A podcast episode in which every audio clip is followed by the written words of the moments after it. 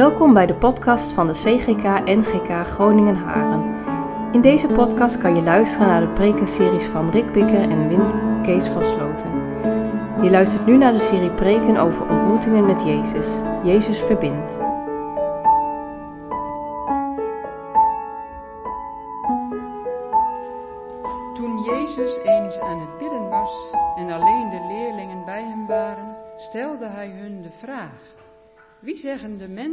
Dat ik ben? Ze antwoorden: Johannes de Doper. Maar anderen zeggen Elia. En weer anderen beweren dat een van de oude profeten is opgestaan. Hij zei tegen hen: En jullie, wie zeggen jullie dat ik ben? Petrus antwoordde: De door God gezonden Messias. Hij gebood hun uitdrukkelijk dat tegen niemand te zeggen. Hij zei: De mensenzoon zal veel moeten lijden en door de oudsten, de hoge priesters en de schriftgeleerden worden verworpen en gedood. Maar op de derde dag zal hij uit de dood worden opgewekt. Tegen allen zei hij: wie, hij, wie achter mij aan wil komen, moet zichzelf verloochenen en dagelijks zijn kruis op zich nemen en mij volgen. Want ieder die zijn leven wil behouden, zal het verliezen. Maar wie zijn leven verliest omwille van mij, zal het behouden. Wat heeft een mens eraan als hij de hele wereld wint, maar zichzelf verliest of schaadt? Als iemand zich schaamt voor mij en mijn woorden, zal de mensenzoon zich ook voor hem schamen, wanneer hij komt in de stralende luister die hemzelf, de Vader en de engelen, heilige engelen omgeeft. Ik verzeker jullie dat sommigen die hier aanwezig zijn, de dood niet zullen ervaren voordat ze het koninkrijk van God hebben gezien. Ongeveer acht dagen nadat hij dit had gezegd, ging hij met Petrus, Johannes en Jacobus de berg op om te bidden. Terwijl hij aan het bidden was, veranderde de aanblik van zijn gezicht en werd zijn kleding stralend wit. Opeens stonden er twee mannen met hem te praten. Het waren Mozes en Elia, die in hemelse luister verschenen waren. Ze spraken over zijn heengaan, de weg die hij in Jeruzalem zou voltooien. Petrus en de beide anderen waren in een diepe slaap gevallen. Toen ze ontwaakten, zagen ze de luister die Jezus omgaf en de twee mannen die bij hem stonden. Toen de mannen zich van hem wilden verwijderen, zei Petrus tegen Jezus: Meester, het is goed dat wij hier zijn. Laten we drie tenten maken: één voor u, één voor Mozes en één voor Elia. Maar hij wist niet wat hij zei. Terwijl hij nog aan het spreken was, kwam er een wolk aandrijven die hen overdekte. Toen de wolk hem onthuld, omhulde, werden ze bang. Er klonk een stem uit de wolk die zei: Dit is mijn zoon, mijn uitverkorene, luister naar hem. Toen de stem verstomd was, was Jezus weer alleen. Ze zwegen over het voorval en vertelden in die tijd aan niemand wat ze hadden gezien. Toen ze de volgende dag de berg afdaalden, kwam een grote menigte Jezus tegemoet. Opeens begon een man in de menigte luid te roepen: Meester, ik smeek u, help mijn zoon, want hij is mijn enige kind.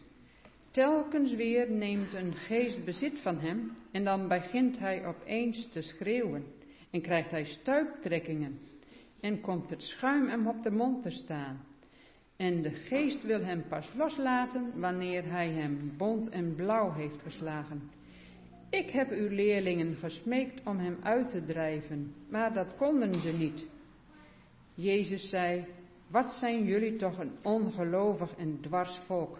Hoe lang moet ik bij jullie blijven en jullie nog verdragen? Breng uw zoon hier. Terwijl de jongen naar hem toeliep, gooide de demon hem op de grond en hem, liet hem stuiptrekken.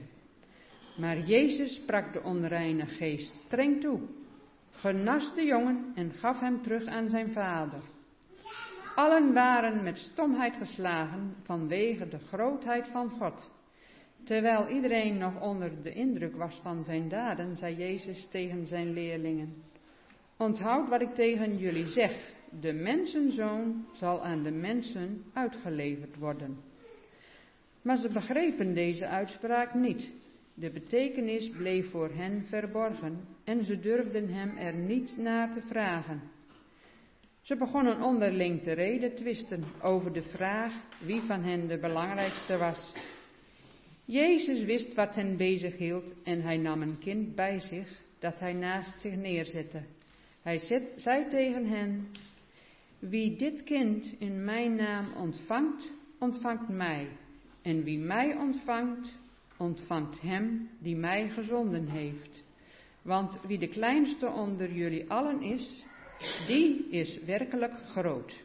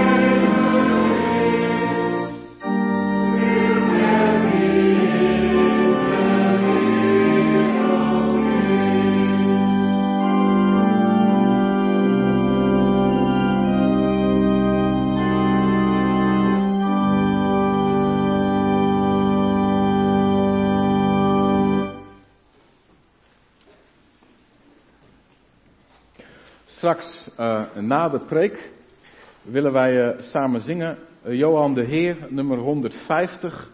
Welk een vriend is onze Jezus.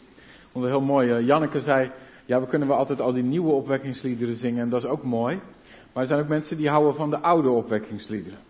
Dus na de preek, en hij past ook heel mooi bij dat gedeelte dat we hebben gelezen. Welk een vriend is onze Jezus. Gemeente van de Heer Jezus Christus. Ik kwam er eh, van de week nog weer eens een keer achter hoe lastig het soms is om uh, hulp te krijgen. Herken je dat? Dat je het lastig vindt als je iemand anders nodig hebt die iets voor je moet doen.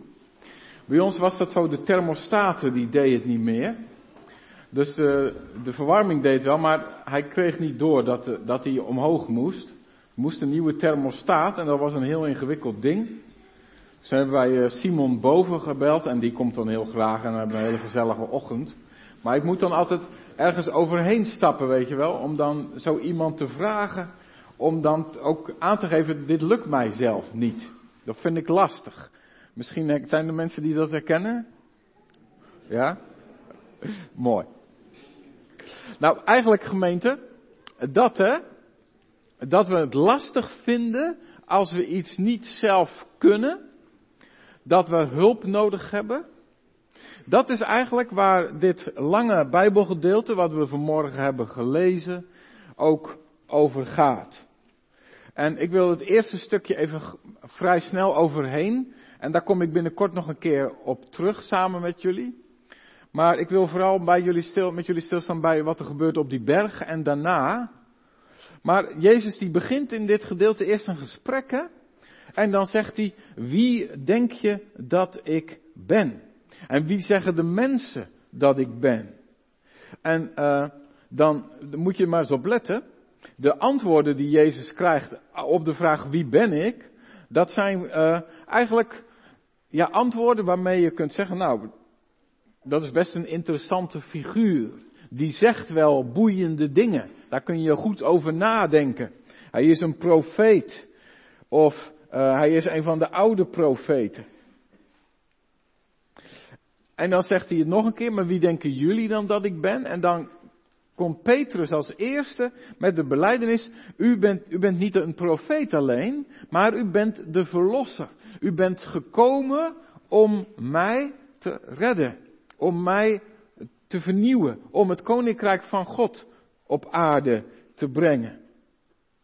En dan moet je maar eens opletten dat op het moment dat Petrus beleidt dat Jezus de verlosser is, dat Jezus daarna nog een keer zegt, Petrus, jij noemt mij Messias, gezalfde, en dat zijn woorden van een koning, maar ik noem mijzelf, ik ben de mensenzoon.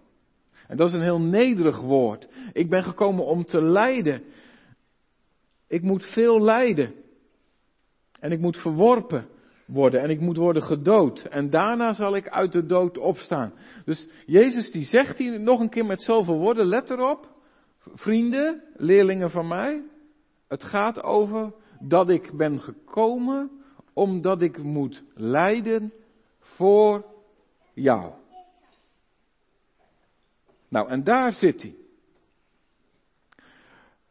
In onze traditie, gemeente, in, zeg maar, in, in de reformatorische traditie in Nederland, hebben wij in prediking in de afgelopen nou, eeuwen zelfs, best wel eens een punt van gemaakt dat we zeiden van, ja, er is wel de prediking van de Heer Jezus en dat wordt aangeboden, de verlossing en de genade, maar dan moet je je ook afvragen, is het wel voor mij? En hoor ik daar wel bij? En mag ik dat ook voor mezelf zeggen dat ik daarbij mag horen. En daar, daar kun je heel lang over nadenken. Daar kun je heel lang over piekeren. En soms doen mensen dat een leven lang. Maar ik denk gemeente dat Jezus hier in dit Bijbelgedeelte precies die vraag omdraait. En hij zegt, luister eens, de vraag is niet of jij er wel bij mag horen.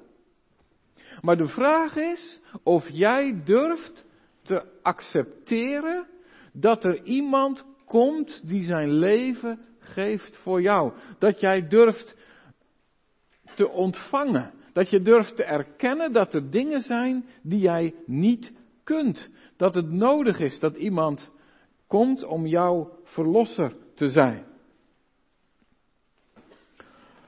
Dat is eventjes de inleiding. En, dan gaan we samen naar, uh, naar die berg. Wie van jullie is er uh, in de afgelopen zomer op een berg geweest in de vakantie. Ja, ik doe een klein beetje interactief vanmorgen. Ja. En misschien is het wat langer geleden. Maar kun je je voorstellen, gemeente, dat als je op zo'n berg staat. En je kijkt dan zo heel ver en je ziet beneden in dat dal al dat gekrioel en het gewone dagelijkse leven lijkt eventjes heel ver weg beneden. Dat je dan het idee hebt, het gevoel van dat je dichter bij God bent. En dat je ook even in een plek bent waar meer rust is en vrede. Omdat, omdat dat gedoe van het dagelijks leven en het gekrioel en de vragen van alle dag, die zijn eventjes daar achtergebleven.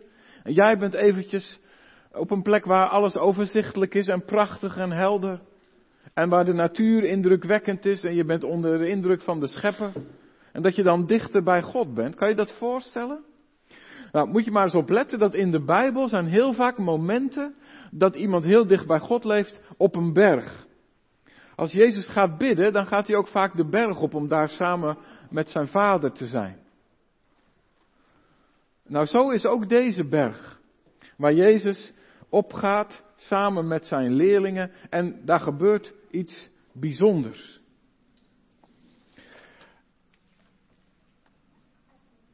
Niet alleen is het Jezus die net heeft gezegd, ik ben gekomen omdat ik moet lijden en sterven en je hebt een verlosser nodig.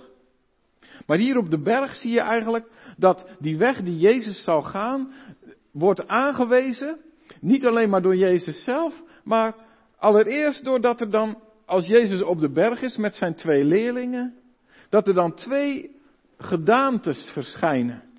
Twee personen uit het Oude Testament. Mozes en Elia. En als je je aan mij vraagt, hoe gaat dat, hoe werkt dat, hoe kan dat? Ik weet het niet. Ik weet het niet. Maar wat ik wel weet is, als Mozes en Elia daar zijn, dan, dan is daar degene die de wet heeft ontvangen van God, Mozes. En dan is daar Elia, degene die het geloof heeft verdedigd in een tijd van tegenslag en van heel veel aanvechting. Eigenlijk zou je kunnen zeggen, de wet en de profeten. Het hele Oude Testament, dat hele getuigenis van Israël, dat staat daar op die berg vertegenwoordigd in die twee personen. En de hele schrift zegt, dit is hem. Hier is Gods weg. God laat hier zien hoe Hij in jullie levens binnen wil komen, namelijk in Jezus, zijn Zoon. De hele schrift, wet en profeten, Mozes en Elia, en dat is ongeveer dit bovenste deel van je Bijbel, dat is het grootste gedeelte. En ik, eh, vind het goed dat ik hier even praktisch maak? Want misschien dat je net dacht van nou, dit is best wel een beetje theologisch. Maar misschien ook wel voor jonge mensen. Dat je zegt van, hoe kan ik nou God ontmoeten? Dat is best ingewikkeld. En er zijn zoveel mensen die hebben daar ideeën over en gedachten en iedereen heeft daar een ander verhaal bij. En hoe kom ik nou God tegen? Nou, in dit Bijbelgedeelte zie je zo mooi dat Jezus wordt aangewezen als degene in wie je God kunt ontmoeten. Hij heeft het eerst zelf gezegd, ik ben de mensenzoon, ik ben gekomen om te lijden. Nu zeggen Mozes en Elia, dat hele Oude Testament, die, die wijzen als het ware naar Jezus. Hij is gekomen om in jouw leven je verlosser te zijn. En dan zie je dat Jezus een soort heerlijkheid krijgt. Hij gaat glimmen, hij gaat glanzen. Ja, en eh, dat is iets wat je tegenwoordig in een heleboel films natuurlijk ziet. Dat superhelden die gaan uh, opeens heel anders uitzien en die kunnen van alles. Maar hier is dat niet dat hij is gemuteerd of zo. Maar dat is dat de heerlijkheid van God, die in hem woont, zichtbaar wordt. En dan is er nog één die hem aanwijst. Dat is de Vader zelf. Die spreekt tot Jezus op de berg en die zegt, deze is mijn geliefde zoon, ik heb vreugde in hem, luister naar hem. Die woorden die lazen we net ook al hè, in het doopformulier. Toen Jezus aan het begin van zijn bediening stond, toen hij gedoopt werd, toen werden die woorden over Jezus uitgesproken. En nu, op dit bijzondere moment, worden die woorden weer uitgesproken. Deze is mijn geliefde zoon, in hem heb ik mijn vreugde. En gemeente, ik vind dit zo'n indrukwekkend stukje. Wil je even met mij meedenken? Dan, uh, we hadden net Mozes en Elia, dat is eigenlijk een soort terugdenken, hè, van dit is er in het Oude Testament gebeurd. Maar je kan ook vooruit kijken. En Moet je maar eens opletten. Van, heb je dat wel eens meegemaakt dat op het moment dat je afscheid neemt van iemand, dat dat het moment is dat je extra diep voelt hoe belangrijk iemand voor je is en hoeveel je van hem of van haar houdt. Nou hier op deze berg, waar Jezus wordt aangewezen als de verlosser, dit is het moment waarop Jezus straks de berg afgaat en dan op weg naar Jeruzalem om daar te lijden en te sterven aan het kruis. En daar, als Jezus aan het kruis hangt, dan zal de toren van God over de zonde van de wereld op Jezus vallen. En dan zou je kunnen zeggen, daar op die berg straks zullen de vader en de zoon tegenover elkaar staan. En wij zitten er tussenin met onze zonde. Dus hier op de berg van de verheerlijking, daar nemen vader en zoon eigenlijk afscheid van elkaar. En dan zal de weg van de zoon, dat zal de weg zijn waarin die tegenover zijn vader zal staan, van wie die zoveel houdt. En op het moment dat ze hier afscheid nemen, omdat Jezus zijn lijdensweg gaat beginnen, daar zegt de vader, dit is mijn geliefde zoon. En dan straks zal de vader zeggen, waarom hebt u mij verlaten? Die twee woorden die, die botsen op elkaar en die geven elkaar extra veel diepte en lading. Dit is mijn geliefde zoon. En dan mag ik het zo zeggen, gemeente, dat die woorden, die klinken over Jezus, en waarvan Jezus dan in zijn weg naar het kruis eigenlijk afscheid moet nemen, die woorden, die mogen vandaag klinken in het leven van Levi. En die woorden mogen vandaag klinken in jouw leven. Dat Jezus eigenlijk zegt van, ik wil de weg gaan die nodig is. De weg van lijden en sterven. De weg naar het kruis. De weg van afstand nemen tot de Vader. Zodat jij de vrijmoedigheid zult hebben om dichter bij de Vader te komen. En dat je weet, er is niks wat tussen de Vader en jou in staat. Dat Hij tegen jou mag gaan zeggen, jij bent mijn geliefde zoon. Jij bent mijn geliefde dochter. Jij bent mijn geliefde kind. Ik heb vreugde in jou. Niet omdat jij het goed genoeg doet, maar omdat Christus zijn weg van lijden en sterven heeft willen gaan voor jou. Maar dan zul je wel moeten accepteren dat je hulp nodig hebt. Je kunt niet op eigen rekening kind van God zijn. Je kan het alleen als je het wilt ontvangen om niet. En dan moet je klein worden. Want dan moet je erkennen dat er dingen misgaan bij jou. En dan moet ik erkennen dat er dingen misgaan bij mij. Dan moeten we niet groot worden, maar klein. Nou, en daar gaat dan het volgende stukje over. Ik sla even een aantal dingen over nu. Want, ja, nee, ik doe het toch even. Ik, ik vind dat zo. Ik, weet je wat dan zo leuk is? Dan, op het moment dat dan die heerlijkheid van Jezus zichtbaar is. Hè? En ik kan me voorstellen dat, dat u en jij dan denkt van, dat zou ik ook wel willen.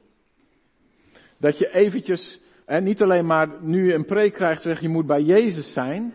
Maar ik zou ook wel even zo'n moment willen hebben dat ik Jezus gewoon zag in zijn heerlijkheid, dat dat er afstraalde. En als ik dat nou zag, hè, dan wist ik het wel. En dan waren misschien mijn vragen wel voorbij en mijn twijfels wel over. En dan, dan, zat, het, dan zat dat geloof gewoon vast. En dan zat het diep. Want dan had ik hem gezien in zijn heerlijkheid. En, en voor ons is geloven vaak strijden en worstelen. En uh, dat het moeilijk is en dat ik het niet weet en dat ik het soms niet voel. En dat er aan me getrokken wordt. Maar Petrus die denkt, ha, ik heb hier Mozes, ik heb hier Elia. Die zegt, weet je, goed dat ik hier ook ben. Laten we drie tenten opzetten en dan blijven we hier. Gewoon, ik zit op de top van mijn geloof, letterlijk hè. Laten we hier blijven. Zoals mensen die hebben dat ook wel eens als ze naar opwekking zijn geweest of zo. Ik heb een top van mijn geloof gehad, ik ben helemaal, zo'n piek heb ik ervaren en ik wil dit vasthouden, zeg je dan. Hè? Deze ervaring wil ik vasthouden. Nou, en dan kom je thuis en dan moet je je tent weer uitpakken. En dan begint gewoon weer het gewone leven. En dan beginnen de dingen weer en dan is er weer gedoe en dan ben je het zo weer kwijt. En soms dan heb je zo'n piek en dat wil je dan vasthouden. Nou, dat wil Petrus ook. Maar dat kan niet. Want Jezus heeft gezegd, Petrus, Mijn heerlijkheid, die wordt pas voor jou op het moment dat ik eerst weer naar beneden ben gegaan. Het dal in van de dood. Ik moet door dat lijden heen. En als ik die weer ga, dan mag jij achter mij aan. Dus Jezus moet ook weer die berg af, want hij moet, naar, hij moet naar dat kruis. En als hij dan op weg gaat, die berg af, nou, dan, ze zijn nog niet beneden, of het gedoe is er alweer.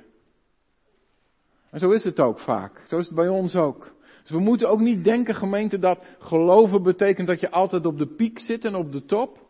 En dat je altijd alles ziet ervan en alles voelt ervan en alles ervaart. Heel vaak is geloven in het gedoe. Dus beneden, daar zijn dan een aantal andere leerlingen van Jezus, die zijn beneden gebleven. En dan komt er een vader met zijn zieke zoon, die is bezeten door demonen. En dan zegt die vader, jullie moeten hem helpen.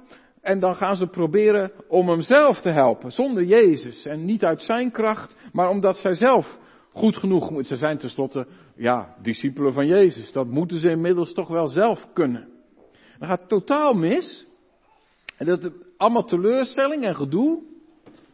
En dan komt Jezus erbij en dan is hij ook nog boos. Ik heb daar best lang over nagedacht van de week. Waarom is Jezus nou boos op ze? Is hij boos op die vader omdat hij naar ze toe gaat met zijn zoon? Nee. Is hij boos omdat ze proberen die man te helpen en die jongen te helpen? Nee. Waarom is hij boos? Omdat ze het zelf proberen te doen. Er staat er ook bij, hè? Hun klein geloof. Ze doen het omdat ze denken, ja, dat moeten wij inmiddels wel kunnen. Maar niet omdat ze vanuit de kracht van Jezus dat willen doen. Is wat Jezus voor die berg van de verheerlijking had gezegd, hè. Ik moet het doen voor jullie. Jullie hebben mij nodig. Daarvan blijkt nadat ze dan beneden zijn gekomen opnieuw, dat die leerlingen willen het zelf doen. Ze willen geen hulp. Ze willen niet een verlosser die het voor hen doet. Ze moeten dat inmiddels zelf toch wel kunnen. En dan raken ze teleurgesteld. En er wordt dan nog eens een keer bevestigd, want als Jezus dan soort, ja bijna boos is en dan, uh, dan, dan toch die jongen beter maakt en dan, uh, ja, dan, dan voel je, dan hangt er zo'n hele spanning in die scène. En dan gaan die leerlingen van Jezus, die gaan ruzie maken over wie van hen dan toch het belangrijkste is. En dat kun je alleen maar als je het niet doet samen met Jezus. Als je niet wil leven van zijn genade. Ik vond het wel een, uh, een scène waar ik lang over heb nagedacht van de week. Leerlingen van Jezus, de gemeente van Christus, die ruzie maakt over wie het belangrijkste is, ondertussen Jezus niet nodig heeft, en dan gaat het allemaal mis. En dan waarschuwt Jezus en dan zegt hij, je moet worden als de kinderen. En dan zegt hij, die jongen, kom eens hier. En dan geeft hij hem aan zijn vader. Dat vind ik zo mooi. Daar is Jezus voor gekomen. Om kinderen bij hun vader te brengen. Dat is zijn werk. En dat hebben we vanmorgen ook gezien in de doop van Levi. Dat, dat Levi ook bij zijn hemelse vader mag komen. Daar is Jezus voor gekomen. En, en dat betekent dat wij door God gezien worden als kleine kinderen die zijn hulp nodig hebben. En die het niet zelf kunnen. En we moeten soms ook niet doen alsof wij het allemaal kunnen en allemaal weten. Maar gemeente, ik wil nog wel één ding erbij zeggen. Want ik zei net van, wij willen graag op de top zitten en dan willen we het graag allemaal voelen en ervaren en dat willen we vasthouden.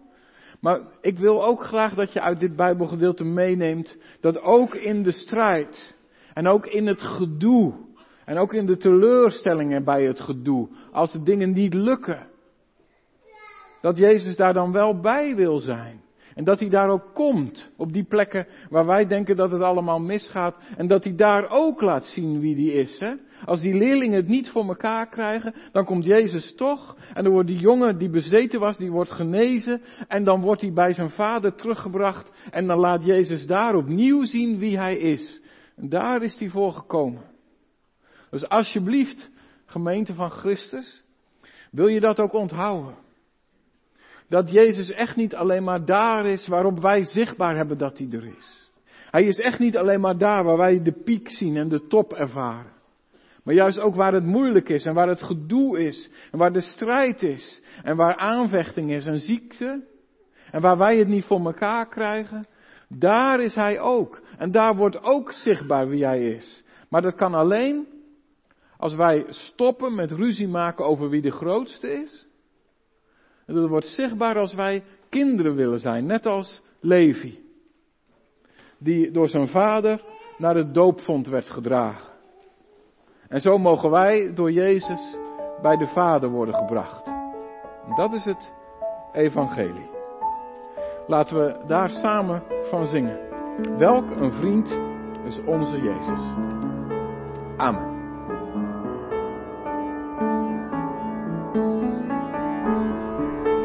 Bedankt dat je naar deze podcast hebt geluisterd. Wil je reageren? Stuur dan een e-mail naar podcast.cgk-gn.nl. Hopelijk tot de volgende aflevering.